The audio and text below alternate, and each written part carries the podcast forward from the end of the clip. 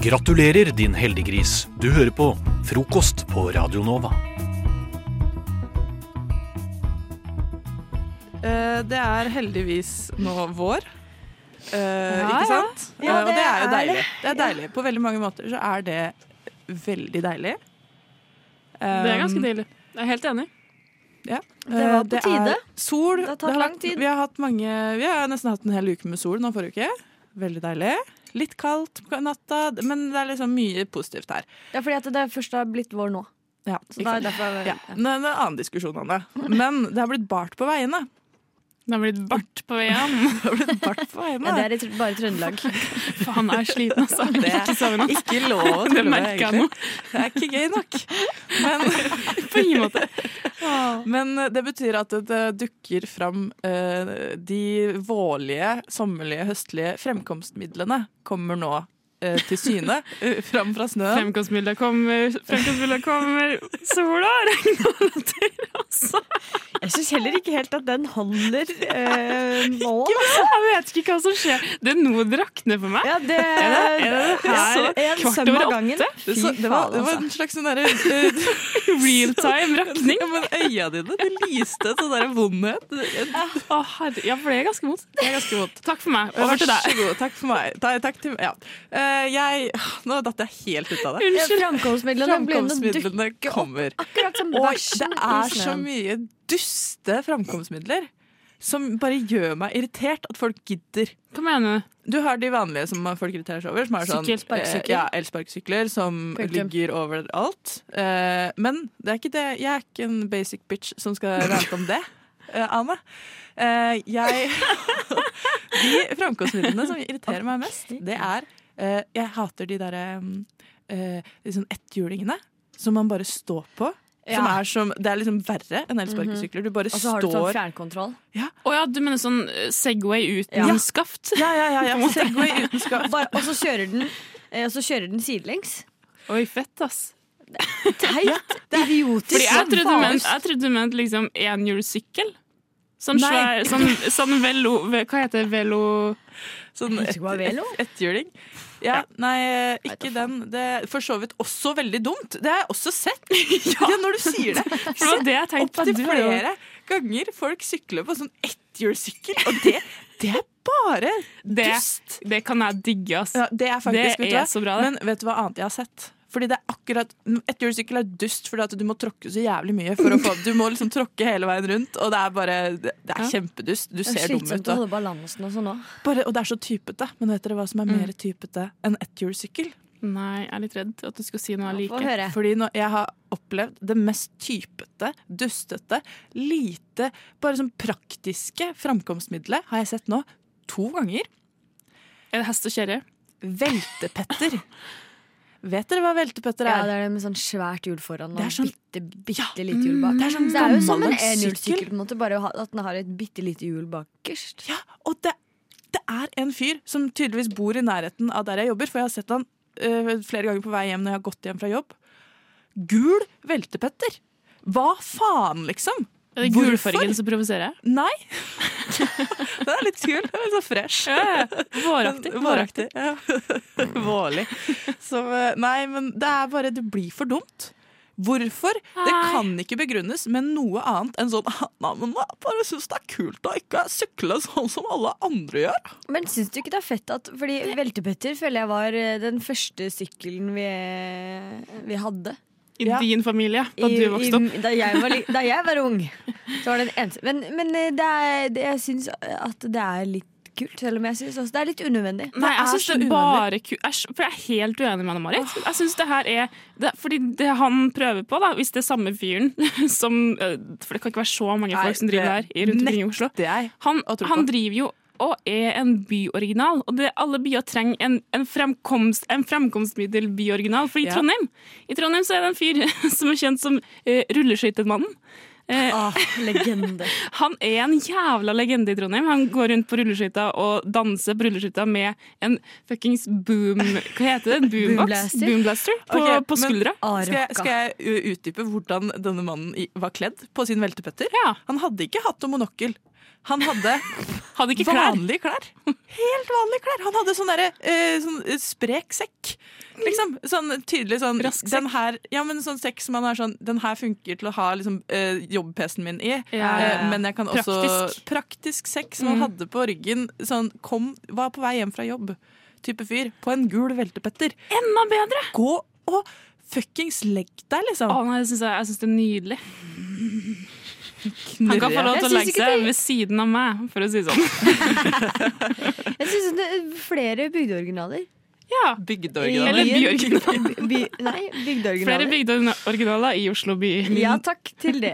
Mindre veltepetter i min monitor, takk. Det er mandag! Her, ta litt mer frokost! Det er mandag! Frokost! Og jeg skal fylle opp energien nå, for i dag begynner det begynnelsen på uka. Det er mandag! Jeg elsker det! Her får litt mer frokost! Mandag! frok fro frokost! Jeg kan godt være den som eh, sier det høyt, jeg, på vegne av eh, alle oss som mener det her. Det er jo kontroversielt. Men jeg er ikke noe fan av gruppetimer på treningssenter, jeg. jeg er ikke noe fan. Du er modig. Ja, takk. Jeg har tenkt på lenge om jeg skal stå frem, og nå i dag så bestemte jeg meg for at ja, jeg skal stå frem med det her. Eh, så jeg, og det handler ikke om at det er noe sånn at det er flaut. Det er sånn at jeg bare ser, jeg ser ikke vitsen. Hva Hvorfor skal man det? Hvorfor skal man det? Har jeg tenkt. Eh, og så har jeg jo Ja, ja, jeg er medlem på treningssenteret. Og der tilbyr de også gruppetimer. Eh, og så har jeg gått inn og sjekka, da, bare fordi det er jo litt gøy å sjekke i det minste hva de har å tilby meg. Se hva tilbudet jo- går i. Og det er jo, det er mye Det er jo alltid masse sånne ting som heter rare ting. Men så fant jeg noe jeg, som fikk meg til å tenke at faen, kanskje det er håp likevel for gruppetimene. Fordi de har en egen kategori på mitt uh, treningssenter som heter Godt voksen. Det er tre forskjellige typer i den kategorien. Det er godt voksen yoga, godt voksen sirkel og bare godt voksen. Å, det er hyggelig. Minglestund, den siste der. Og det fikk, fikk meg til å tenke, da, er det, kan det være noe for meg? Fordi kan man egentlig kan, kan man som 25 år gammel jente være med på en sånn time? Er det lov? Eh, Eller er det kulturell yeah. appropriasjon? Det er det jeg også tenker sånn jeg tror de kjenner litt ja, på det. På en tenker de godt ja, voksne når du kommer på godt voksentrening og er åpenbart eh, Du er jo voksen, men ikke Min- godt Mindre voksen. voksen. Jeg er ikke god, jeg. jeg er ikke god, jeg. Men fordi jeg bare tror Jeg skjønner jo ok, kanskje det skal være et frirom for dem, på en måte, og så er det dust at jeg kommer og saboterer det. Men jeg syns jo det høres så jækla mye mer koselig ut enn alt annet av gruppetime. For det er jo Godt voksen yoga. Se for deg, en godt Jeg vet ikke hvordan en godt voksentime ser ut. For Foreløpig så har jeg ikke vært så dristig at jeg bare har dukka opp på en sånn time. Eh, og jeg fant ikke noe mye sånn informasjon om hva, altså beskrivelse av hva det går ut på. Men jeg ser for meg at en godt voksen-gruppetime må jo innebære eh, i hvert fall litt morgentrim, liksom. Morgengymnastikk. Trim foreldre. Tipp. Tøy og bøy. Tøy og bøy. Der er Ja. stoler bildet. så tar vi den høyre armen, dere, og ned med beina. Det, fy faen, så koselig det har vært. Og litt sånn, litt sånn kaffeslabberas og fyrstekakepause inni der. Så er vi faen meg inne på noe, tenker jeg. Altså, Ja. Når man går ut igjen, så får man camphor drops. Eh, Ja. men men eh, det jeg plutselig kom på, er jo at eh, det, det høres jo litt sånn kryptisk ut at det ikke er noe særlig beskrivelse av hva det er. Ingen vet egentlig hva det er det går ut på. Ja. Er du sikker på at det ikke liksom er sånn det, Man har jo eh, film, og så har man voksenfilm. Jeg er eh, gruppetrening oh, ja, og godt voksentrening. Så det er egentlig heftig gangbang som foregår inni der. De, de har jo sånn Godt voksen gangbang, det de vil jeg har- ha som en gruppetime. De har jo sånne TRX, sånne ting som henger ned fra, fra Ja, ja. Det jeg husker. Det jeg husker. Det jeg husker. Mm. Eh, men Men tenk, det er jo noe, det òg. jeg tenker jo at også kan jo Det kan hende du går på en smell i at de godt voksne er jævlig godt trent også. At de har liksom brukt hele sitt liv, sitt godt voksne liv, på å trene seg opp til å bare drite ut deg. Men hvorfor tror du at det jeg er dårlig trent? Jeg vet ikke. Unnskyld deg. Fordi du vil dra på godt voksen-gruppetime, Ja, men det er kosen. Det er sjarmen med det. Du vil på gangbang? Eh, jeg vet ikke, hvis, det, hvis, det, hvis det er heftig gangbang for godt voksne, så Hvem faen vil ikke på det? Da, da melder jeg meg også inn, faktisk. okay, men da ses Kom, bli med du da, Marit. Bli med du da. Marit, Marit, Eh, ok, da. Yeah! Greit, jeg er med. Da ses vi der. What is going on here? Breakfast. Bre- bre- breakfast. Bre- bre- bre- bre- bre- breakfast.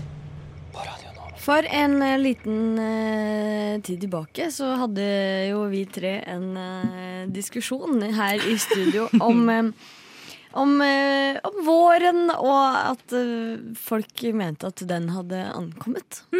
Eh, Folk. og, Folket. Oss, Folket. altså, Anniken. Mm. Og resten av Norge. Alle unntatt Ane. Ja, noe sånt. Eh, men jeg syns jo da at det var høyst provoserende. At dere mente at spring has eh, sprang. Springa og sprang. Eh, fordi jeg syns det var kjipt at folk skrev at nå er det vår i luften. Eh, fordi de visste at det kom til å komme snø. Og det har det gjort. Og i dag er det vårjevndøgn. Og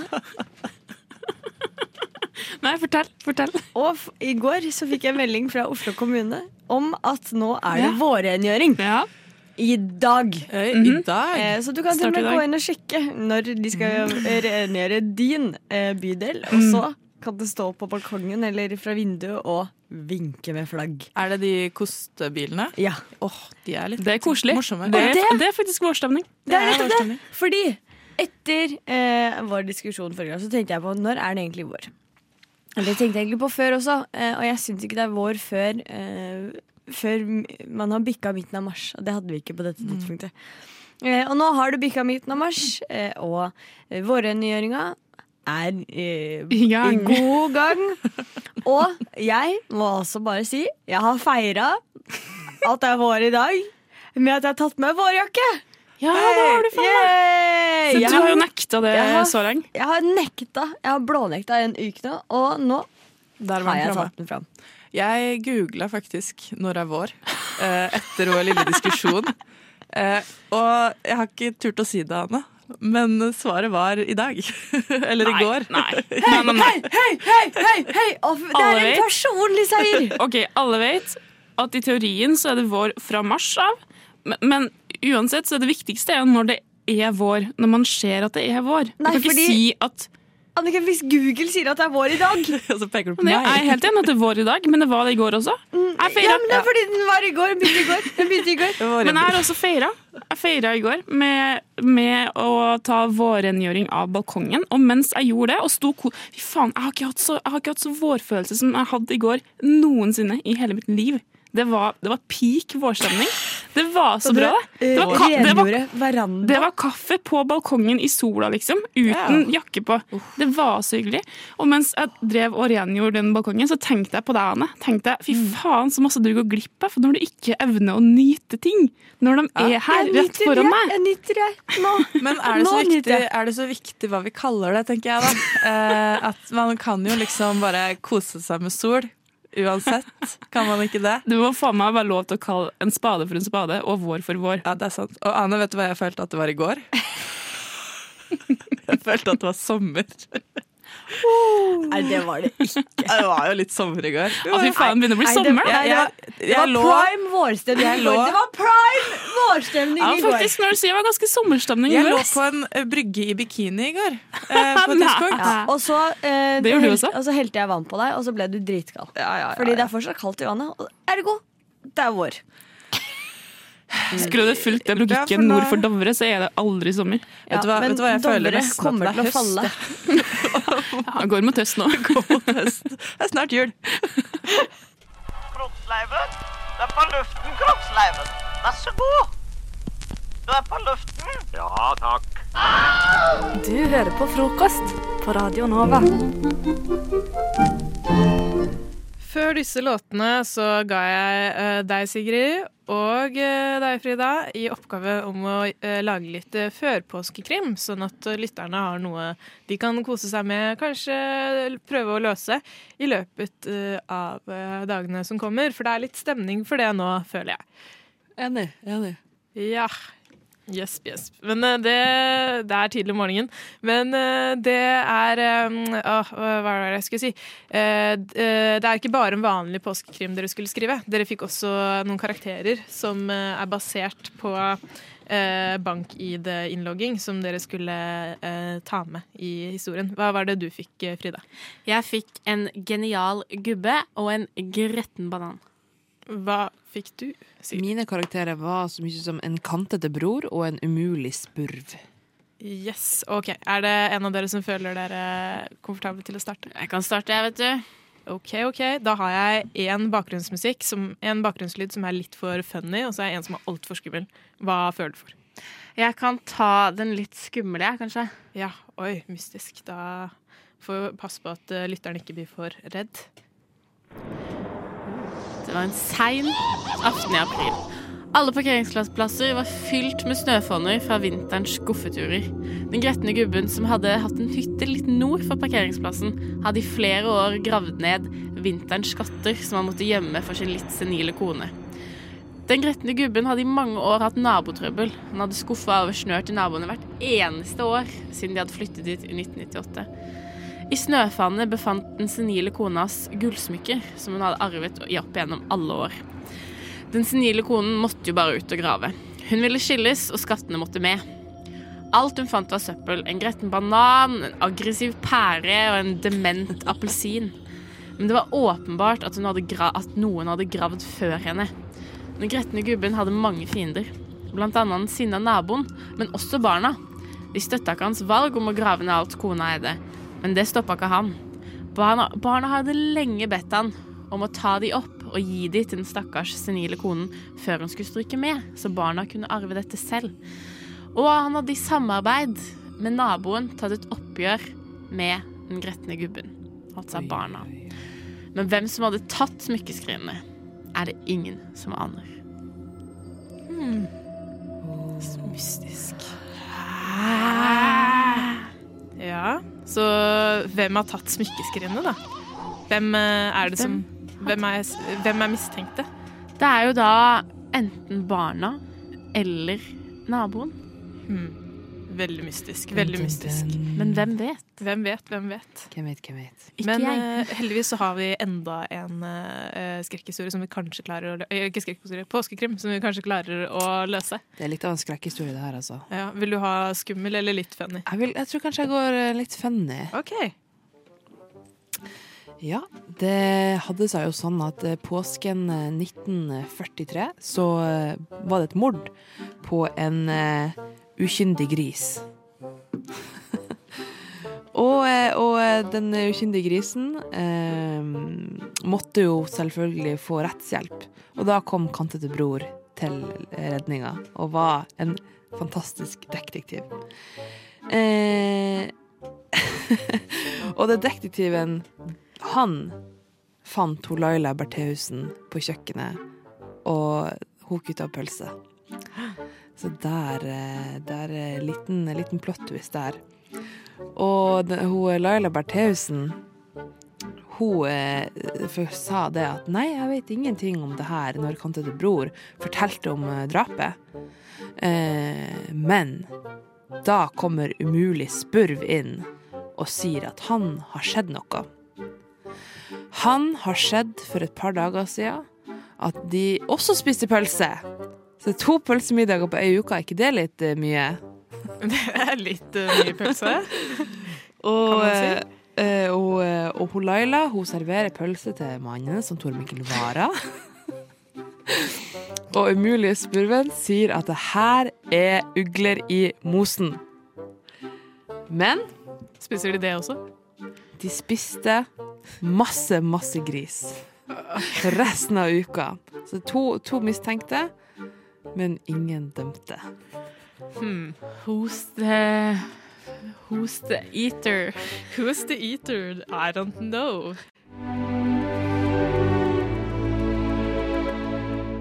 Mine herrer, vi stanser ikke før det blir natt. Hva med frokosten? Dere har allerede spist den. Vi har hatt én, ja. Men hva med den andre frokosten? Jeg tror ikke han kjenner til den andre frokosten, Pip. Hæ? hva med formiddagsmat, lunsj, ettermiddagsmat, middag og kveldsmat? Han kjenner til de, gjør ikke det? Jeg vil ikke regne med det. Han har nok bare hørt om frokost på Radio Nova. Pippin!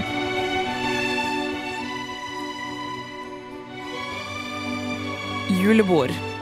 Det hadde vi i helga her på Radio Nova. Oh yeah. Eh, det ble jo utsatt pga. restriksjonene som kom i eh, desember. Julebord i mars. Så julebord i mars, det var jo veldig julestemning. Ja, det var, jeg fikk faktisk julestemning. Jeg, jeg syns det var veldig koselig. Fordi jeg føler, jeg føler liksom at det kan bli litt for mye Mm. i juletiden. Så noen ganger så tar jeg, tar jeg frem julemusikk i, i sommerferien, liksom. Bare for å få den følelsen. Can't say the same. Men Fikk dere ribbe? Bare siste vi fikk eh, ribbe og medisterpølse og alt det som er på julekoldtbord. Eh, men jeg må jo bare på en måte Jeg må konfesse mine synder. Eh, fordi at eh, jeg ble skita full. Jeg ble så fette kanakas. En nordlending på julebordet er de du skal holde deg unna. De står for 90% av all seksuell trakassering. Ja, det er faen meg Det er faen meg sant! Og det som er at jeg bare har så jeg, jeg bare sånn Dagen etterpå jeg fikk bare sånn her flashbacks. Du vet når det er sånn Å, herregud! Å, herregud! Å, herregud! Du står i dusjen og bare Helvete! helvete Ja, så kommer er du på ting som ja. du liksom hadde glemt. Og Eller jeg husker jeg, Sofie, jeg flørta med alle. Nei, du gjorde det, ja. Jo, som, og det var, det var ikke bare Det var ikke bare litt sånn, men det var sånn Oh my god, du er så kjekk! Fy faen, du ser så fett ut! Nei, så fy faen, du er så kjekk! Oh my god, hun her er så pen! Herregud, dere hadde passet så sykt bra i lag! Fy faen! Så du matchmaka og flørta på dine egne Jeg vegne? matchmaka, og jeg flørta, og det var full Altså, det var Om ikke Altså, folk må jo bare bestemme selv om de er blitt eh, sexually assaulted av meg. Hvis du er blitt det, I'm so, I'm so sorry. Hvis Eh, du har blitt det, så fins det en tillitsvalgt på Nova. Bare hvis noen fra Radio Nova hører på i dag. Anders. Ja. Anders, ikke hør på nå. Men i hvert fall, jeg flørter med alle. Jeg, jeg husker, jeg har et sånn sånn vagt minne at jeg står og bare snakker med en fyr, og, bare sånn, og så tenker jeg bare sånn inni meg at jeg må bare fylle den her stillheten. så jeg bare sånn Herregud, du, herregud den dressen er så sykt fin! Herregud, du kler deg så sykt bra! og det er sånn ingen Det er sånn helt sånn monotont ansikt eh, fra motparten har. Nei, ja, men det er jo ikke Ja. Ja, ja, det er jo helt liksom- jævlig. ja. Det er dette her som igjen er forskjell på nordlending og sørlending. Det er sånn, Hadde jeg vært i en sånn situasjon ute på byen hvor det hadde blitt kleint og stille, så hadde jeg vært sånn Ja, eh, hva studerer du, da? Jeg hadde gått Hadde- helt Når var sist du var i kjerken? ja, ja, Jo, men jeg hadde blitt helt i sånn der kristent småtalk. Ja, ja, men det som er greia, er jo at jeg var jo så fette kanakas at jeg hadde jo ikke begrep på tid og sted. Og jeg husker bare at jeg, jeg var i så faen så godt humør. Jeg bare liker å Herregud, du er så sykt kjekk, fy faen! Du bare Du er så sykt morsom. Jeg, alle som hadde et lite stikk oppe på scenen. Jeg bare, herregud, du, så, du var den morsomste på scenen. Du var så sykt morsom, fy faen! Det var jo sikkert noen som ville kosta selvtilliten din. Ja, ja, det var jo det han, han Ivan som var her i frokost før. Jeg, jeg, jeg tror jeg Jeg tar faen. Jeg. Herregud, Ivan er så sykt kjekk, fy faen! Men da tror jeg vi må huske Det tror han bare eller, ja, Vi får håpe at han bare tok det som et eh, stort kompliment, da. Men jeg, jeg sier det igjen som eh, en kristen sørlending. Hvis noen føler at eh, Siri har gått over streken i helga, så fins det hjelpetelefoner, og det fins mange muligheter hvis du trenger å recover from ja. this experience. I am so Du-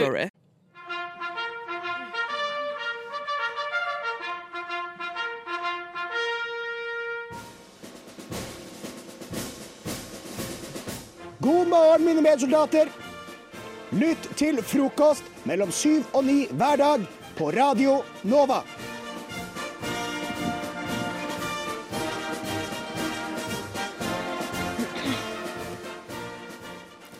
Jeg har hatt den kleineste opplevelsen jeg tror jeg har hatt på veldig, veldig lenge.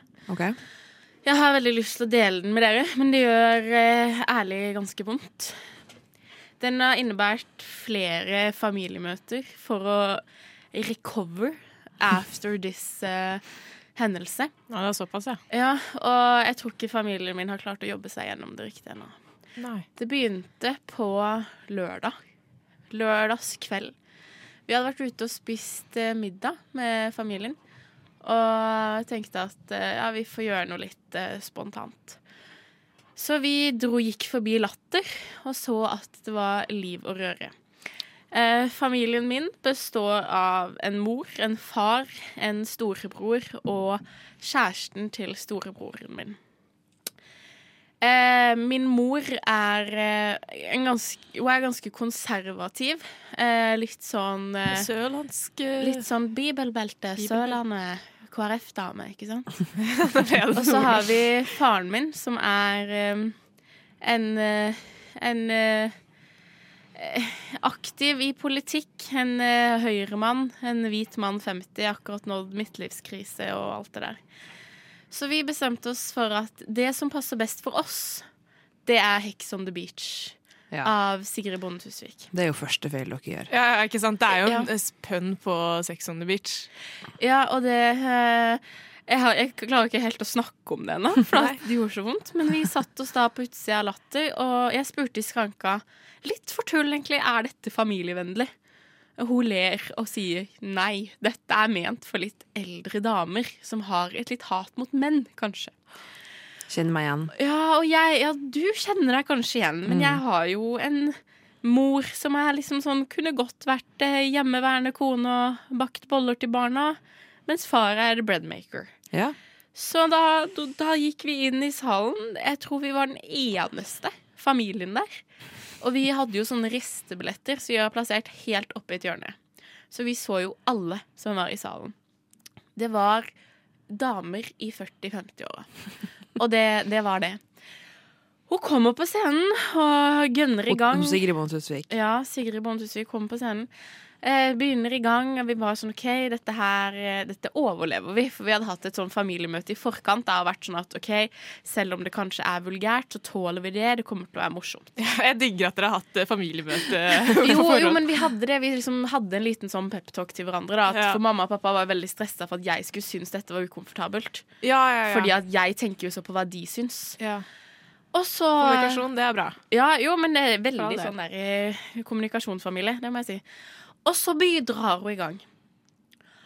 Og jeg har aldri, aldri hatt så vondt i kroppen min noensinne. Det var bare snakk om eh, liksom slikking av fitte og liksom sånn der at eh, det var så bittert hat mot mannen hos for det mannen til Sigrid Bonde Tusvik hadde gjort. Det snakker hun veldig åpent om inn i det nye showet sitt. Eh, og det var så uthenging, og det var så sykt sånn og alle damer, dra dere buksene, så skal liksom Martin få slikke dere. Og jeg satt der med pappa på venstre side og hørte på det her. Hvordan eh, så ansiktsuttrykkene deres ut? Nei, jeg satt, og så uh, tok jeg handa Turte til broren min. Og broren min satt og så opp i taket og sa 'jeg vil hjem'. Han sa bare 'jeg vil hjem'. Jeg vil ikke mer. Men vent litt, veldig, veldig, veldig. Altså, og Sigrid Bonde Tusvik, hun er jo, altså, hun er jo ganske legendarisk, må jeg Ja, men si. hun er så ultra, ultrafeminist at det er sånn Det er kvinner som skal styre verden, og menn som skal stå på kne og slikke oss, liksom. Det blir for mye for en sørlandsfamilie. Men det for en du ikke skjønner, Frida, at hun, at hun driver på med satire. Hun er jo helt fenomenal. Jo, men det handler litt om hvor langt man drar det. Det, det er så ekstremt. Og det var liksom sånn derre eh, Hun dissa for det første Hun dissa jo bare liksom KrF og Høyre til de grader og hang ut politikerne, og det er greit nok, det kan være gøy, men pappa sa sånn derre ett ord til, og jeg reiser meg og sier ifra. Og da er jeg bare sånn Å, herregud. Nå er jeg stressa.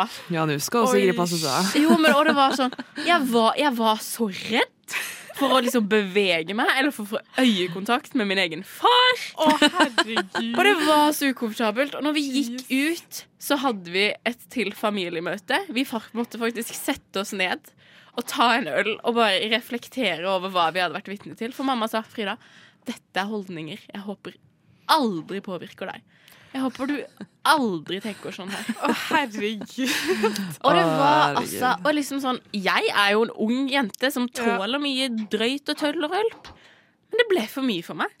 Jeg er bare en Det ble for mye. Det Men ble for, det ble for mye. Det ble for mye for meg. Så jeg vet ikke. Bare ikke dra på Hex on the beach med familien din. Det I hvert fall ikke hvis Nei, nå ble det nordlig. I hvert fall ikke hvis de er en sørlandsfamilie fra Arendal som bare prøver å komme seg gjennom dagen. ja, ja, Ikke hvis det er en sånn eh, blyg sørlendingfamilie. Og nei, eh, Tusvik, du drar den for langt. Jeg, jeg må bare, jeg, altså, jeg syns Tusvik og Tønne for så vidt Jeg hører på podkasten deres eh, hver uke. Er det to forskjellige? Ja, Tusvik og Tønne. Lise og Tønne, Sigrid Bonde ja. Tusvik. Ja. De har en podkast i dag. Tusvik og Tønne. Og de er jo dritlættis. Og de drar den dritlangt. Ja. Men det er kjempemorsomt, fordi det er kødd, og det, det må være lov til å uttrykke seg. Og sant, hun er blitt skyta på. Sant? Ja, men det er måte på. Det er, nå ser vi hvordan eh, Norge splitter oss. Det er en nordlending som syns det her er helt greit. Alle skal ned på kne. Mens sørlendingene, de er litt mer blyge. Litt mer sånn tilbaketrukne, kanskje. Jeg skal bare si det hvis at jeg har tatt med mamma på det her, og mamma hadde digga det. Mamma Ja, hadde det elska det. Så gøy. Så Ja. Det så ut som uh, mamma ble traumatisert, så takk for det, Tusvik. Hun blir aldri den samme. Ja. Nei, jeg vet ikke hvordan mine foreldre hadde reagert på det. Jeg vet at mamma har hørt litt på podkasten, men uh, det får bare gjenstå å se. Kanskje jeg tar det med, kanskje ikke. Nei, vær så snill! Nei, vær så snill! Nei, nei, nei! nei! Mens man i middelalderen brukte morgenene til å kutte hodet av mennesker, bruker vi det i dag heller på å høre på frokost på Radio Nova. It's been my secret passion to try it. To spend my Christmas surfing Skjønner dere hva jeg vil med det her? Hva betyr det? Det er jo Jeg føler det er som morse. Morsesignal. For hva da? SOS. Det er helt riktig. Oi! Jeg trenger hjelp. Jeg har gjort en, en grusom oppdagelse. Oi. Jeg eh, trodde jeg bodde med en helt vanlig fyr. Bor i kollektiv. Grei type som ikke alltid tar oppvasken, det skal han ikke ha. Men han er en hyggelig, generelt hyggelig fyr. Um, og jeg bor jo i en kjeller. Det bærer jo med seg visse utfordringer. Og her en dag så kom jeg inn på kjøkkenet, og så sa han Se, Sigrid! Så holdt han fram hendene sine, og der var det en stygg jævel av en edderkopp. Oh. Og så sa jeg sånn Ta den bort. Skal vi Har du edderkopp forbi? liksom? Ikke, jeg trodde ikke jeg hadde Jeg trodde at jeg var sånn tøff. Ja. tøff sånn, Herregud, jeg tar den. Altså, jeg, hvis det er en edderkopp der, så kan jeg kverke den sjøl, liksom. Men jeg syns ikke det er koselig. Du kverker den, du gir den ikke navn og lar den leve. Ikke sant? Ja, for det der. Mm. Jeg kverker den. Eh, og så sa jeg sånn Skal vi ta den bort, eller? Og han var sånn Er du redd? Den er jo bare søt. Den vil jo ikke deg noe vondt. Så Kjempesøt, Så jeg den er ikke søt. Han bare sånn Det er bare samfunnet som har bestemt at, at edderkopper ikke er søt. Bla, bla, bla. Sånn. Nei, den er faktisk ikke søt. Den er svart og har åtte bein og ser helt jævlig ut. Og er over gjennomsnittet stor. Eh, og så sa han nei, jeg syns at edderkopper er søt. En gang så var jeg på fjelltur.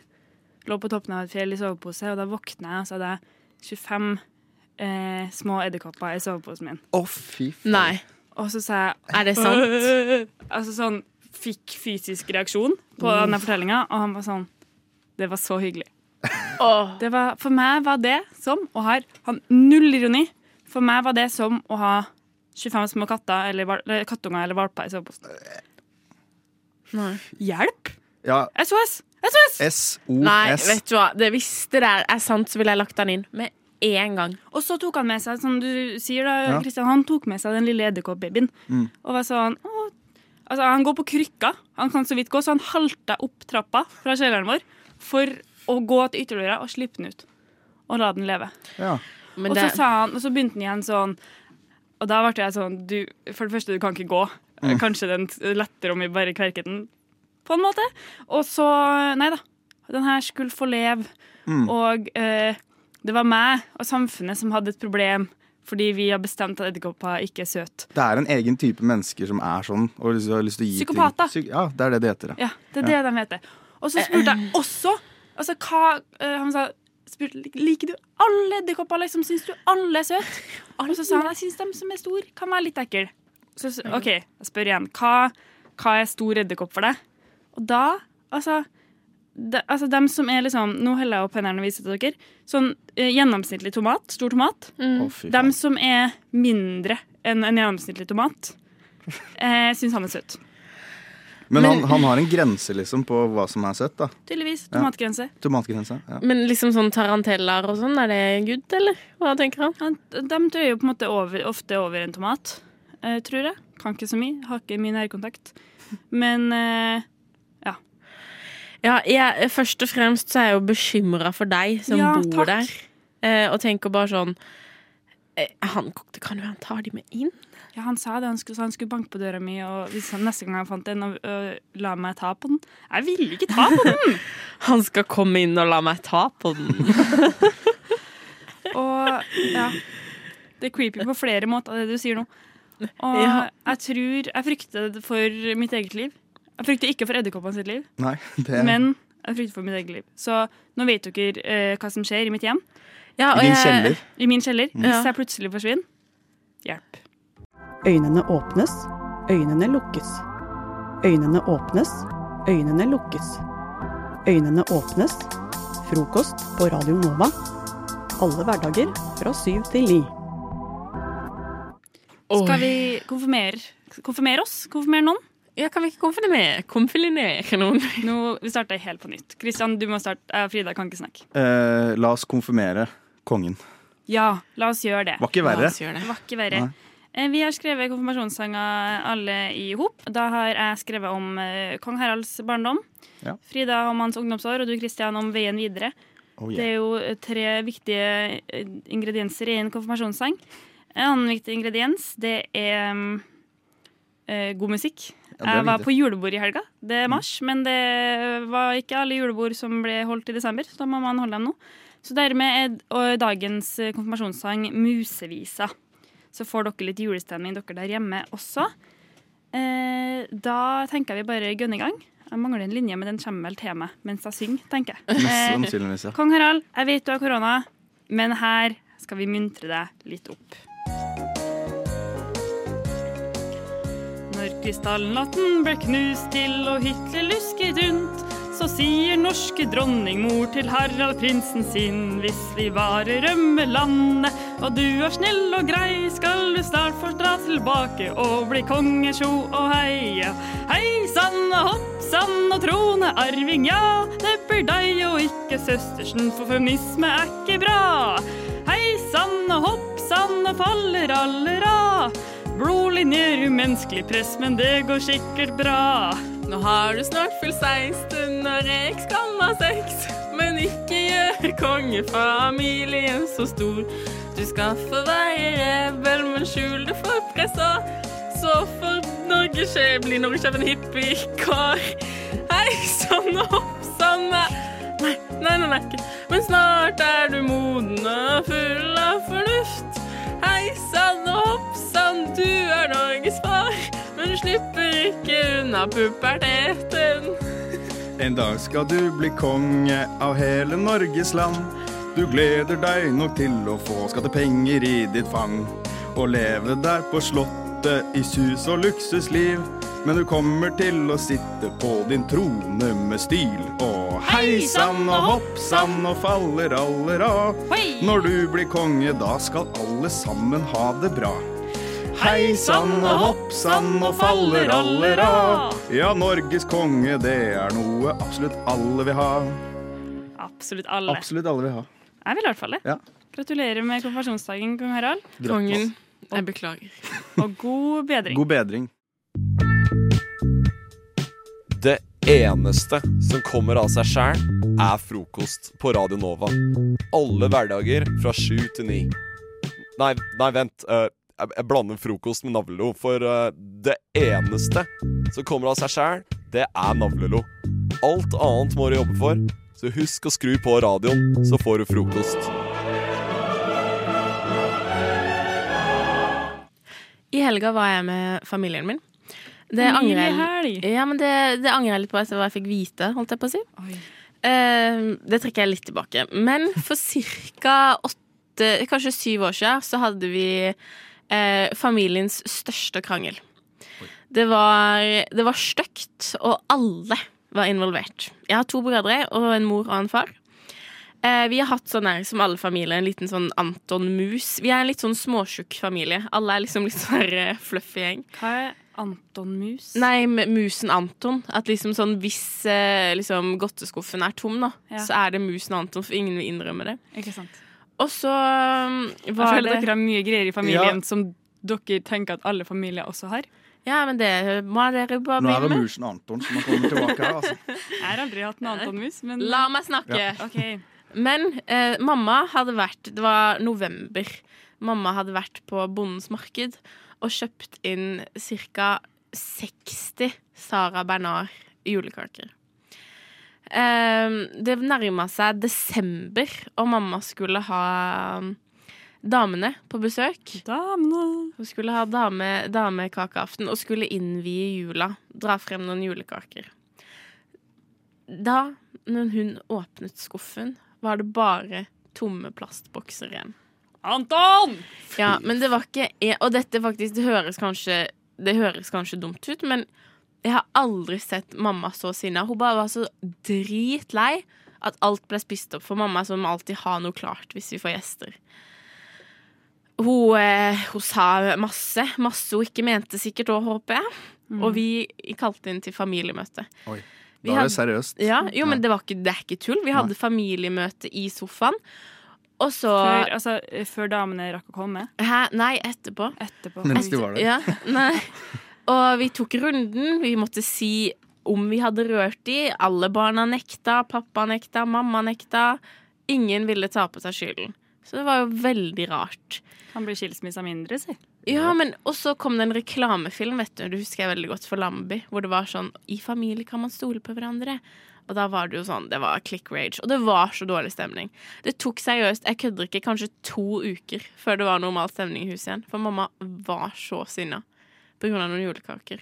Og Sara er heller ikke den beste formen for julekake. Jeg, Jeg aner ikke hva det er. Nei, men det er eh, samme det. Det er en Ja. sånn nøttebunn med noe okay, sånn ja. sjokoladenougat-topp dyppa i sjokolade. Ja. Og i Ikke noe man vil spise 60 av, på en måte. skjønner. Nei. I helga så var vi ute og spiste med familien. Og så er det en i rommet som rekker opp en hånd og sier at de har en tilståelse. Er det deg? For hvem som har spist julekakene. Mhm. Det var pappa. Det var pappa. Han som hadde kalt inn til familiemøte. Å, fy faen. For Svikeren. Å, ja, for å skylde på barna og hvem som hadde spist alle julekakene. Barnemishandling! Det var min far. Da var det fram med fastelavnsrisen og Ja, ja men rettferdighetens navn. Det er utrolig Rettferdighetens mann. sjokkerende. Ja. Ja. Så nei, vi tok et lite oppgjør, og vi var alle ganske skuffa. Og... Men det er også på en måte imponerende. Det er mye å spise 60 Sara Bernard. Ja, Liksom. og, ja, men pappa er en slank mann. Og pappa er en sånn sprektrent mann, så jeg, han er ikke så småtjukk. Han er litt tjukk. Unnskyld hvis han hører på det her. Herlig. Men eh, Det blir nytt familiemøte. ja, nå blir det Men nytt familiemøte. er det nå, har det gått mange nok år til at det var tatt godt imot nå?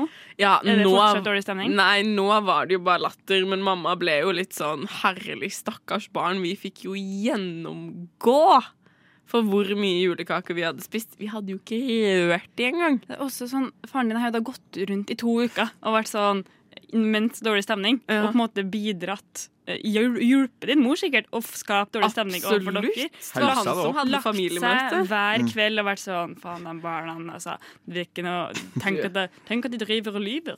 Uh, Han er ikke fra Kristiansand. hvor er han fra? Han er faktisk fra Zanzibar, men det er en helt annen historie. helt annen historie. Men uh, jeg prøvde sørlandsk. Men wow. Ja, jeg sier bare, pappa, hvis du hører på, slutt å ljuge til barna dine. Og du er litt småsjuk. du er litt småsjuk. Vil du at det skal stå om Sylvi Listhaug i historiebøkene? Champagne eller pils? Olabukse eller skjørt? Champagne. Åh, olabukse. Jazz eller rock? Tog eller motorvei? Rock. Motorvei. Hva har du på anlegget når du suser rundt i denne? Oi, det var litt vanskelig. Det går mye Elvis, eller? Frokost på Radio Nova. Hverdager fra sju til ni. Vi begynner å nærme oss påsken noe så grønnjævlig. Eh, Persken. Pa Fint, det. Er det det det heter på tysk? Pars nei, Parsen, tror jeg det heter. Ja. Pesach, som jeg føler at det heter i Israel. Pesach? Pesach, Er ikke det på påskeland? For? Israel er vel et påskeland? Det er et typisk påskeland. Eh, og det er jo også, men det vil jeg også si at Norge er. Eh, Ja. For Norge, vi er jo veldig glad i påska. Men jeg har et litt ambivalent forhold til, eh, til eh, påsken. Fordi Oi. jeg er ikke noen skigutt. Jeg har aldri vært noen Vi har snakket om tidligere denne, denne sendingen at jeg er en kantinegutt. Jeg er Ja. ikke en skigutt. Eh, og det betyr at når du skal på en måte være, gjøre påskeaktiviteter, så gjør jeg alltid det med et visst agg. Fordi Ah. du, du, du prøver jo å virke folkelig, men du kommer jo fra Bærum. Ja, ja. Er, har, dere, har, Er du dere, har dere hytte? Altså, vi har Au pairen vår har en hytte. Og ja, vi har et hotell Nei, altså, nei altså Ja, vi har hytte. Eh, I utgangspunktet var utgangspunktet var det en bitte, bitte, bitte liten hytte på Nordfjell. Eh, nå er det en litt større hytte. Ja, ikke sant. Dere pusser opp hytta. Ja, man må jo det, da. Det var, du, du skal se Det er mest Bærum du har sagt. Hva er vitsen med hytte hvis man ikke skal bygge ut av seg selv? Hva? Hva er poenget der med hytten? Hytten skal jo bygges ut! Ja, jeg tar den. Men, eh, men eh, det er, poenget er at det er ikke noen det, Fordi på Nordfjell finnes det ekstremt mange enorme hytter. Det er, ikke, det er en vanlig hytte. Er det innlagt vann? Det er det. Da er det jo ikke hytte. Eh, OK, Bamble. så det, men, eh, men jeg har et litt tungt forhold til det, mest fordi at påsken kombinerer da det jeg ikke liker, altså liker minst i hele verden, som er eh, å være varm med for mye tøy, kombinert med det jeg liker ganske dårlig, som er å gå på langrenn. Vet du hva? Det, Det, her er kan jeg si meg altså. enig i. Ja, for det, det, det Ja. er noe av det vondeste. Jeg aldri så fire år i huet og utenpå huet som når jeg går eh, opp en lang bakke, er for varm, jeg har bakglatte ski ah, Ja, fytte men- nei, det helskotten, altså. Er det ikke lov at når familien din er ute på tur, så blir du igjen på hytta, setter deg inn, ser en gammel godfilm med Betty Davis eller noe sånt, og bare koser For deg jeg er jo 75 år. Men jo, altså, jeg, jeg skjønner jo hva du mener, samtidig for, og jeg gjør jo det i, i løpet av påsken, men jeg blir alltid fordi problemet er at jeg er også da i en familie som er veldig opptatt av det å gå på ski. Så jeg blir alltid han fyren som liksom da går og dasser hjemme på hytta. Det er jo ikke noe hyggelig, det heller. For jeg er bare alene på hytta. Men så blir det så mange passiv-aggressive kommentarer når Ja, de kommer Så blir det tilbake. veldig sånn, så blir, så det blir veldig sånn Å, så deilig det er! Ja. Det er så deilig ute i dag! 41 kroner! Herregud, du har gått 41 km! Jeg ser det på Strava! Det er, det, er så, det er så mye sånne kommentarer. Men- da. men og hvis dere hører på nå, jeg er veldig glad i dere, og jeg syns det er veldig hyggelig at dere går på ski, men sparken, altså.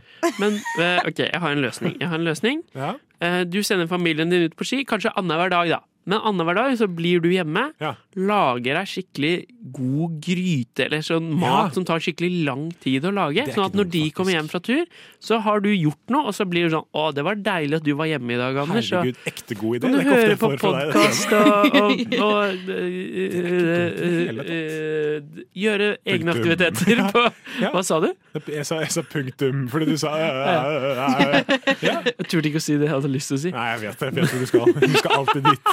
Alltid faen og helvete. Altså, det, ja. Men lage noe sånn uh, stroganoff, eller sånn folk setter pris på. av Strøgenøff. Og så kan du sette deg, hvis, hvis du får litt dårlig samvittighet, så tar du med deg podkasten, setter deg ut i solveggen, med, og så knekke en liten Kvikk Lunsj og lene deg, og så bare mm. Vet du hva, jeg har lyst til å bli med deg på hytta. Kanskje, kanskje vi skal dra på hytta alle sammen, alle, alle tre? Jeg har også hytte på Nordfjell. Oi! Hvor på Nordfjell? Dette blir Eh, veldig internprat, men hvor på Nordfjell? Eh, sett det. vet Vet du, Ja, det er bra. Vi er alltid sånn Oslo-radio som snakker Herregud. Ja, mener ved Majorstad-krysset. Det er bra. Snakk litt om Ja, Nordfjell. Nordfjell. Hei til alle dere i Nordfjell. Vi er med på, på Kvitsteinsås-siden. Men eh, det er veldig Min bestefar hadde hytte på, på Gammelsetra. Dette her er kammerprat, men jeg håper at du, kjære lytter, kunne kjenne deg bitte litt igjen i det. Og hvis du uh, er nødt til å gå opp en lang, lang, lang bakke med varm, varm, varme klær, hva da, Sander? Nei, det bare hvis familien din er, er, har gått Én ting da, som er hyggelig, uansett om de er passiv-aggressiv mot deg, er jo eh, det er, det er jo enda tristere hvis, kommet, eh, hvis de hadde kommet, og så sier du sånn 'Å ja, du var, du var her hele dagen.' Eh, Vi skjønte ikke du var borte. Ja, Det hadde vært ekstra vondt. Men da hadde jeg i hvert fall sluppet de jævla varme klærne. Det er sant. Nei, vær så snill! Nei, vær så snill! Nei, nei, nei! nei! Mens man i middelalderen brukte morgenene til å kutte hodet av mennesker, bruker vi det i dag heller på å høre på frokost på Radio Nova. It's been my secret passion to try it. Mens eh, låta gikk, Lotte, så har vi fått en ny person inn i studio. Ikke fordi at vedkommende manglet noe å si på radioen, men fordi at vedkommende nå har lyst til å være en karakter som nå har tatt på seg min skinnjakke. Men hvem er det vi har i studio her nå? Det er Herman. Ja. Er dette, for dette nå en slags improvisert karakterspalte. Det liker jeg veldig godt. Hvor kommer du fra, Herman? Eh, Fortere. Ryde i Danmark. Ryde i Danmark? Ja. Men Det høres litt bergensk ut. Ja, men jeg har jo flyttet. Ok, Så du er utvandret fra Ryde til, til Bergen? Ja, eller innvandret til Bergen. Ja, det kan du også si. Ja, ut og innvandret, det er to sider av samme sak. jeg, eh, jeg har gått både ut og inn i mitt liv, og det, det skal jeg snakke om i min nye bok, som Ja. jeg skal utgi. Hva heter boka? Uh, inn og ut. en historie av, av Herman Ryde. Hva slags sjanger er dette? Uh. Det er mykporno. Gøy! Ja, er du- historier, eller? Nei. Nei. Nei, andres historier. Er du litt Nei. inspirert av Fifty Shades of Grey-aktig? Nei. Nei. Jeg, det er jo mange år siden den kom. Ja. Eh, jeg, eh, jeg, jeg For det har skjedd mye i mikkpornosjangeren siden det? Ja, for det, man må jo ta hensyn til folk som har spesielle tenninger. Ikke bare BDSM. Det, det, det, å, det er få som har det, men det er ganske mange som har det. Jeg, jeg liker knitring. Det er, min, ja. det er min Det er det jeg tenner på. Jeg er nå. knallhard i dette øyeblikket. Sånn type ASMR i bokversjon? Ja, nemlig. Okay. Så det er sånn knitrepapir i boken. da. Oh, ja. det, ja, nettopp, ja. Litt som er- barnebok-ish. Den er trykt i, uh, i uh, Mogadishu. Oi! Nett, i Mogadishu. I Mogadishu. Så er det, men hvor mye betaler du selv for dette her, eller åssen er det? Nei, jeg har fått støtte fra Fritt eh, Hor. Som er en stiftelse. Fra Fritt Ord? Fritt Hor, ja. Ja. Men, eh, Men du skal jo nå også lese litt utdrag fra boka. Du, du har jo den eh, med deg. Kan ikke, du ta, kan ikke du ta det? Vær så god. Jeg skal bla opp. Jeg gikk bortover gaten. Jeg så en mann. Hei, sa mannen. Hva vil du med meg? svarte jeg. Jeg vil vi skal gå inn i bruktbutikken her. Gikk inn i bruktbutikken. Det var masse epler der. De var mugne. Spist opp. Hvorfor skulle vi gå inn her? spurte jeg mannen. Jeg vil knitre. Han fant fram litt gammelt gavepapir. Sånn eh, Hva det heter glans? Ikke glanspapir, men sånn eh, Sånn, Glanspapir. Sånn uh, Hva er det det heter? Sånn papir? Grå papir? Nei! Står det Sånn- dette i boka? Tusen takk. Dette var lydbok, eh, og dette kommer på eh, Herman Ryde, inn og Ja. ut. Storytel eh, inn og ut. Nei, det kommer på, på Mosemokus.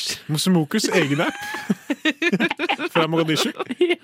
Nettopp. En av de få uteleggerne der. Har vi noen flere spørsmål til, til her, Herman Ryde? Lykke til, sier jeg bare. Tusen takk! Ja, Tusen lykke, lykke til. Det er deilig å være bergensk i Bergen.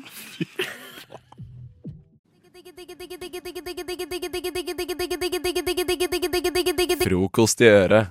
Akkurat sånn jeg liker det. Mm.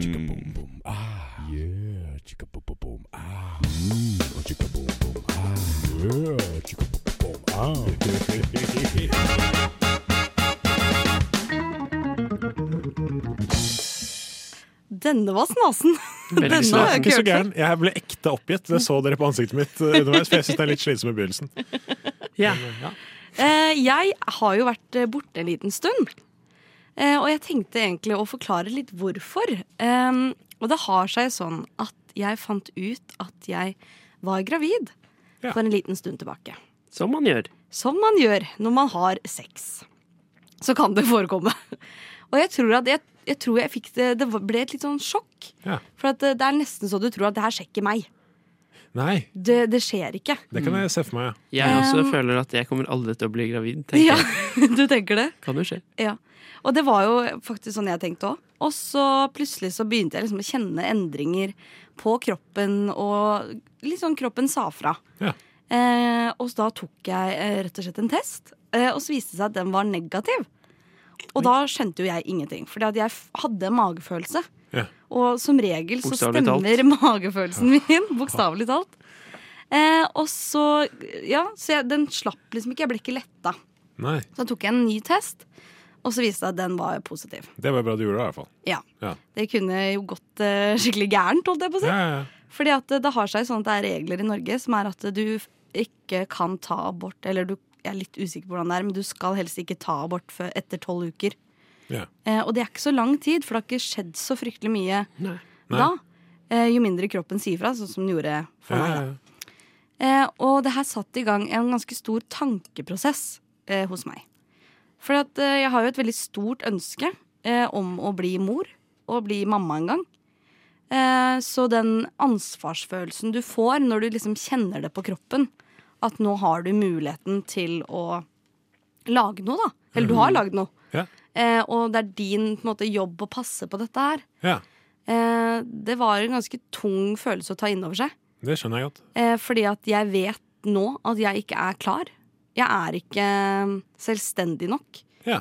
Eh, og når jeg da den, eller den gang jeg da er klar, da, og har lyst til å få barn, så har jeg lyst til at eh, det skal være en stabil på en måte, hva skal man si, plattform å vokse opp på. Mm. Jeg vil kunne gi det barnet alt uh, jeg har fått gjennom min oppvekst. Mm. Og det har ikke jeg muligheten til å gi nå.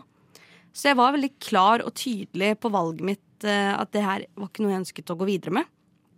Uh, fra tidlig av, med en gang jeg fant det ut, egentlig. Men men så var det så mye følelser som jeg ikke så komme. Så jeg har liksom kanskje tatt litt for lett på det. da.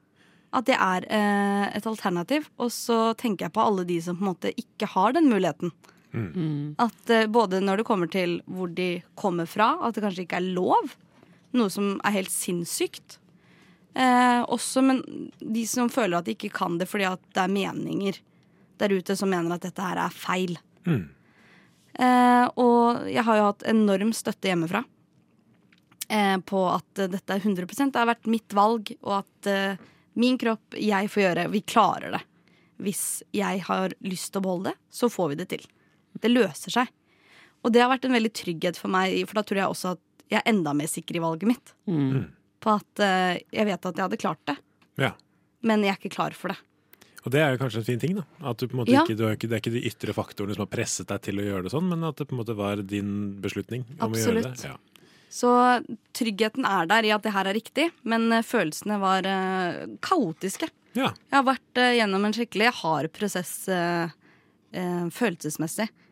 Det har vært mange triste tanker, men også mange fine tanker. Og på at en gang så ja, Det at jeg kan få barn, da, i det hele tatt, har jo vært en, nesten en fin opplevelse. Det i sånn seg selv. Ja, men det er jo Ja. det. Er jo det. Og eh, du, vi snakket jo sammen i går om hva du skulle si om det, og det var jo, som jeg sa til deg da også, at, at dette er veldig Det er veldig fint at du sier det, syns jeg. Og det er Mm. veldig Jeg tror det er viktig, da, fordi at vi ofte snakker Det er jo en debatt om det som er et veldig sånn metanivå, Mm. eh, og som er vanskelig for mange å på en måte forholde seg til.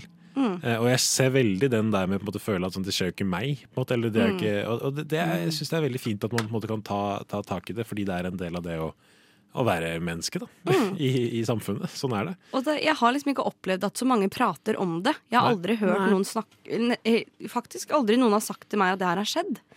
Men så har jeg valgt å være ganske åpen om det. Sånn, det er ikke noe jeg holder hemmelig. Mm. Eh, så hvis det kommer opp, eller jeg har eh, i en setting hvor jeg kan si det, på en måte, så har jeg gjort det. Og da har jeg faktisk fått eh, liksom mange tilbakemeldinger på at det er flere som har vært igjennom det. Ja. Men ikke føler at det har vært noe man prater om. Sant? Og det trodde ikke jeg eksisterte i dag. Nei. Altså det, det er dette, dette er jo på en måte Det er mange ting man, man som prates eh, hva skal jeg si, Som det er blitt mer fokus på at man må prate om med, med psykisk helse og med, altså med mange ting. Da. Mm. Og dette her er en av de tingene man må rett og slett prate, prate gjennom mm. for Mm. å komme gjennom, tror jeg. Og det, det gjelder alle. Så, så jeg syns det er veldig fint at du ville si det. Ja. at vi kan snakke om det. Takk for at jeg får dele. Takk for at du deler. Oi, er du her? Jeg vet ikke hva du lette etter, men jeg tror ikke det var her du skulle. Hvis du scroller nedover siden, så finner du helt sikkert Frokost på Radio Nova.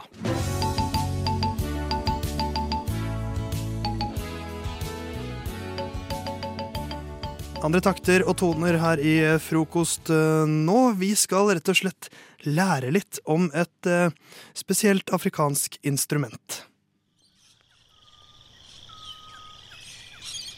Fuglesang fremmed for meg.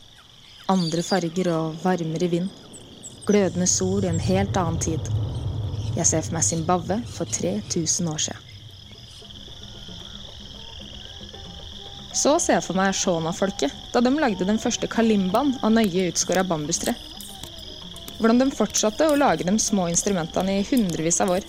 Videreutvikla og spilte under stjernene, helt til en variant med metalltangenter ble skapt ved Zambezi-elva litt over 1000 år etter den første kalimbaen så dagens lys. Kalimbaen het mbira, kilembe, likimba, sansa og timbra, og helt andre ting, avhengig av hvem du spurte og hvilket språk de prata.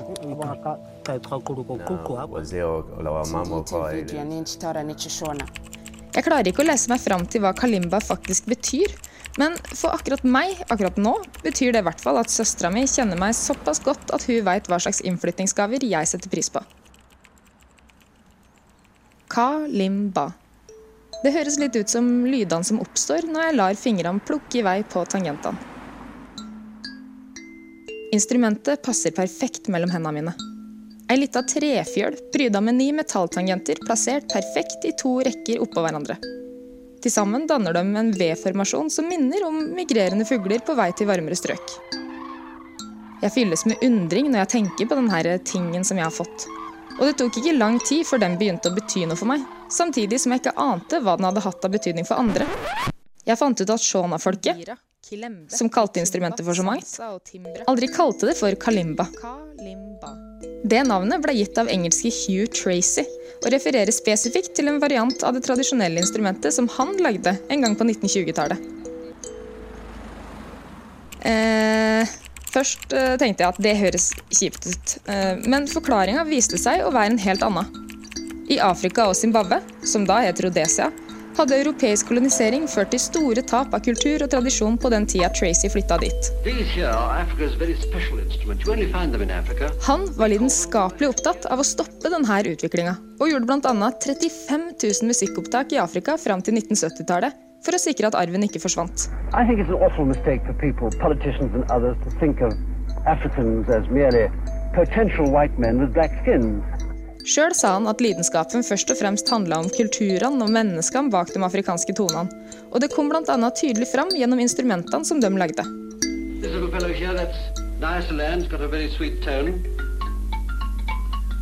Kalimbans varierende stemminger, klang og skalaer hadde direkte betydning for hvor de kom fra, hvor gamle de var og hvem som hadde laga dem. That's Central Tanganyika. That's a very nice one. De var rett og slett små vinduer inn i store kulturer som kjempa for å holde seg i live. Tracys kalimba ble skapt for å tilgjengeliggjøre afrikansk musikk til resten av verden. Den var lett å spille på og skulle bringe oppmerksomhet til den fascinerende, rike musikktradisjonen som den bygde på. Hvor viktig den var og er å bevare.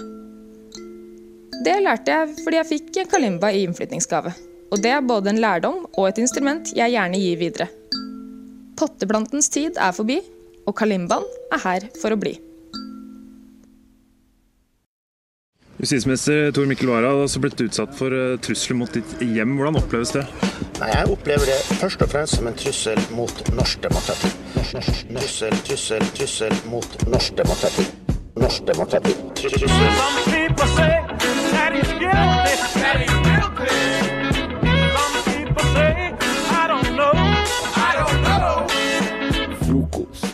Beskytter demokratiet. Hverdager fra syv til ni. For uh, ikke så veldig veldig lenge siden så var jeg og gjorde noe jeg syns er ekstremt kjedelig. Jeg lot et annet menneske klippe mitt hår. Wow, Mye uh, artigere å klippe det selv. Ja, uh, men det er- gidder jeg på en måte ikke heller. Så det er, det er det kjedeligste jeg gjør. Du, du lot det. Liksom, det høres ut som et barn Ja. som har mast lenge. Vær så snill.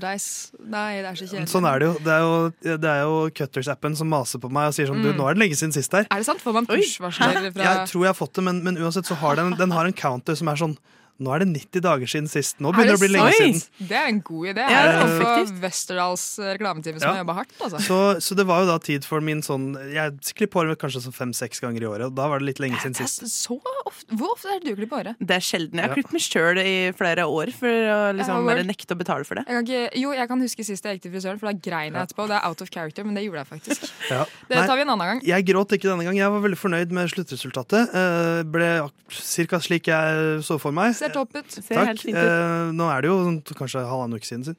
Men, men det er jo eh, Har dere klippet håret deres på Cutters før?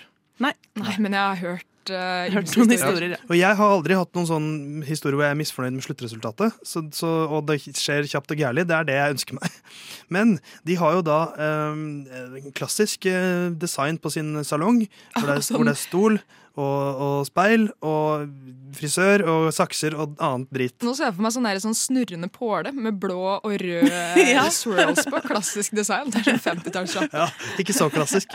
Men de har også klart å modernisere konseptet litt, og de har nå lurt inn en liten eh, TV-skjerm bak speilet, på en måte. Så nederst i høyre hjørne på, på speilet så har du en liten TV-skjerm hvor, de- hvor de sender sånn køddefilmer, og litt sånn, sånn at du kan sitte og se på noe mens du, mens du gjør det kjedeligste som fins, nemlig å bli klippet. Og ofte er det sånn stuntvideoer, eh, litt sånn eh, funny greier, litt sånn home sånn eh, home America's. Funniest Home videos. Ja, ja, det er på det nivået. Men eh, denne gangen uh, For det, det hører med, på, med til historien her at det var, en, det, var, ja, det var en kvinnelig frisør som klippet håret mitt. Um, og så sitter jeg og hviler blikket på denne skjermen og sånn, registrerer knapt hva som er der. Men, men så er det er folk som går på ski og gjør skistunt og sånn, sånn typisk Red Bull-filmer. Mm. Og så plutselig så kommer det altså noen heidundrende bikinibilder ut av en annen verden. Men altså, maken til male gaze har jeg nesten ikke sett. Uh, og da kan du jo tro at Teisebassen ble selvbevisst. Når han står der og blir klippet av en ganske pen dame. Hvor skal jeg Eh, se nå? Mens det er et ekstremt fokus på pupper og lår og rumper på denne lille eh, skjermen. Det er dritrart. Ja, og, jeg, jeg, og, det verste er jo at jeg følte nærmest at det var et overgrep mot meg. Ja. For jeg har jo ikke ja. kommet hit og bedt om å få se nesten mykporno. Det er jo absurd, men hva var det som skjedde? Hvem bare trava rundt, Nei, liksom. nei, nei, for det var, også, det var jo det var sånn Red Bull skifilmer, Ja, og saltoer og dritt. ski i- Og så kom det plutselig damer som kjørte på, ski, eh, kjø, kjørte på ski. Jeg blir så hektet ut av det verden jeg hadde her, så jeg blir, mister meg selv helt. Som går, altså Damer i altfor små bikinier som står på ski. Veldig urealistisk. Og så var det selvfølgelig mest fokus på kroppene, da, og ikke på ski, ja. skikjøringa. Og jeg, eh, jeg ble jo veldig selvbevisst. Kanskje jeg prøvde å sette det ut litt? Nå, nå skal vi se hvordan her, han her takler Kanskje det var et sosialt eksperiment. Jeg venta på sånn. Lurt av Carlsen-opplegg. At han skulle komme ut og si vi har et kamera der og der og der. Det er bare å gjemme det bak speilet, så det er kjempelett å filme meg da uansett. Men, men jeg, jeg følte at eh, det var nesten så jeg hadde lyst til å skrive en kronikk, for jeg, jeg følte jeg ble en gris. Det er kjemperart. Du kan i hvert fall skrive en tweet. Det Ja. kan du i hvert fall gjøre. Altså, etter Cutters, det hadde Det jeg gjort. Men, men altså, unnskyld meg, det konseptet her jeg har aldri hørt om. Hva skjedde med å liksom bare prate med frisøren? Det, vi er ferdig med Nei, det. det vil jeg ikke. Du vil ikke det, Vil du ikke det? Nei, det, Fordi det, det, det er to, jeg føler to mennesker i verden. Deg som prater med frisøren gjennom hele klippinga, og så er det deg som ikke vil prate med Ja. frisøren i det hele tatt. Nei, det skal være, altså, all kommunikasjon skal være Hvordan vil du at det skal være det? Så kommer jeg med en beskrivelse. Så starter klippen. Neste kommunikasjon da skal være uh, speil bak. Vil du ha litt voks? Ja takk. Sånn. Tusen takk. Ja, Ha det det godt. Det skal være all kommunikasjon. Det syns jeg er så rart, for da føler jeg meg som sånn Eller OK, jeg er en overtenker, OK? Jeg føler at hvis er jeg, jeg, sitter, jeg føler at hvis jeg sitter stille i en frisørstol, og frisøren bare gjør greia si, så føler jeg liksom at jeg eh, implisitt sier at sånn Du er bare en ape for meg. Du er bare en ape for meg. Det Ja, her gjør jeg betaler deg for å gjøre jeg- dette her. Gjør det jeg betaler Men det var jeg som ble ape. um, uh, monkey brain boob. Det var sånn jeg ble. Eller det var Ah, sånn jeg, det var sånn jeg fryktet at hun trodde jeg ble.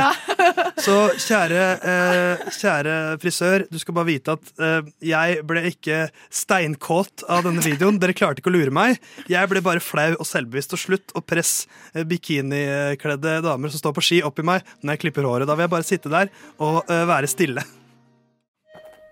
Nei, vær så snill! Nei, vær så snill! Nei, nei, nei! nei!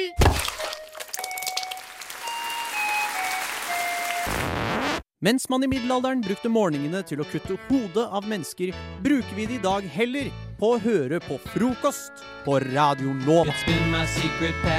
Vi reiser tilbake til Riddernes tid. For to låter siden så fikk eh, Synne og Mari en eh, oppgave fra meg.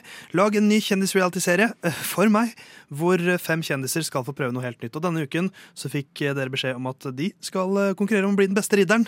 Det være seg drageslåssing eller hestekamp eller eh, rustningbruk eller hva det er. Det er, det er dere som er ridderekspertene. Um, Mari og Synne, er det, har en av dere lyst til å presentere deres episode først? Jeg kan gå først. Da, Mari, går du først. Du fikk da beskjed om at det skal være noe hestetrøbbel mm. i din episode. Det skal selvfølgelig være mentalt sammenbrudd hos en kjendis, som det alltid er i god reality. Det er det. Og så hadde du kjendisene Lise Finkenhagen, Harald Eia, Herman Flesvig, Erna Solberg og Lene Alexandra Øyen. Og da dykker vi ned i ditt univers. Velkommen til dagens episode av Riddernes ridder, hvor nå fem kjendiser gjenstår i konkurransen om å være den beste ridderen. De som har klart å kjempe seg gjennom flertallige lansekonkurranser og æresdrap, er Lise Finkenhagen, Harald Eia, Herman Flesvig, Erna Solberg og Lene Alexandra Øyen. I dag står nok en konkurranse med lanse for tur, hvor først Lise Finkenhagen og Lene Alexandra Øyen møtes til duell. Begge hopper lett på hesten, men den litt viltre hingsten som Lene Alexandra eh, har fått, er ikke helt samarbeidsvillig i dag. Hun blir kasta av eh, hesten og lander framfor den. My boobs are okay, roper hun overraska, og hopper letta tilbake opp på hesten igjen. Ved siden av står Harald Eia og mansplainer hvordan en lanse egentlig skal holdes, noe Lise Finkenhagen ikke er særlig interessert i å høre. Hun har da gjort dette tusen ganger før. Direkte forbanna blir hun og kaster lansa si hardt etter Eia. Kjapp som han er, dukker han unna, og spissen spidder Erna Solberg i magen. Hun faller om, og Lise hopper av hesten og mister det helt. Man kan se at kameracrewet kaster fra seg kameraene, man kan, og samtidig høre vagt i bakgrunnen at eh, Herman Flesvig prøver å gjøgle det til. Um, han kjører en 'Jeg rykker kokken din'-parodi, uh, noe Lise ikke vil høre akkurat nå. Åh, det ble en slags sånn Squid Game. Utrolig Ja, og dra drapspreget Uh, reality. Men veldig, jeg likte veldig godt det bildet med Harald Eia som mansplainet. Hvordan det skal brukes. Så uh, det var bra at uh, det gikk bra med Lena Alexandra, men ikke så bra med Erna. Du, Synne. Du fikk jo da eh, samme univers på en måte med, med ridderkonkurranse. Men hos deg skulle det være noe rustningtrøbbel. Det. Du skal også være et mentalt sammenbrudd. Og så fikk du kjendisene Johan Golden, Ravi, Staysman, eh, Voe, mye artistnavn, og Veronica Orderud. Det er også et slags artistnavn. Eh, og da, Synne, går vi inn i din ridderfortelling. I denne episoden har deltakerne konkurrert i den klassiske øvelsen katapultkrig, hvor de deles i to lag og skal kjempe om å treffe det andre laget flest ganger. I den forbindelse har deltakerne fått utdelt ekstra sterke rustninger som mest sannsynlig vil hindre eventuelle dødsfall. Produksjonen beklager det ene unntaket, men vi ba faktisk Johan Golden om å ta på seg hjelm, og det er veldig vanskelig å se at han ikke har fulgt denne instruksen med tanke på at den flintskalla eplekartskolten hans er slående lik en glinsende hjelm fra avstand. Lagene som fullførte konkurransen ble altså Ravi og Veronica Orderud mot Staysman og Voe. Kampen var jevn, men Team Orderavi støtte på problemer tidlig i løpet. Ut fra Ravis hjelm stakk det ut en flik med oransje hår, noe som trigget en posttraumatisk stressreaksjon hos Veronica Orderud grunnet hårets likhet med den oransje Orderud-sokken. Hun hadde tross alt ingenting med den å gjøre, så Ravi beklaget dypt før han ble truffet av det andre laget. De hadde nemlig et hemmelig våpen, for i stedet for å sende av gårde en middels stor kampestein med katapulten, hadde Team Staysman og Voe satt selve Staysman i sleiva, noe som resulterte i kraniebrudd hos Ravi idet den ene musikeren deiset inn i den andre. Dette betyr at en fra taperlaget skal ut i neste episode, noe som vil bestemmes ved holmgang. ah, da jeg skjønte at nå skal, nå skal Stace opp og være Kumi Cannonball. Ah, det var et vakkert øyeblikk. Det er en lett vei å gå. Nei, Fantastisk innsats av dere begge to. Jeg gleder meg til å se Ridder alltid i høst på norske TV-skjermer. Radio Nova er best. Alle andre er tapere. Radio Nova. Mm.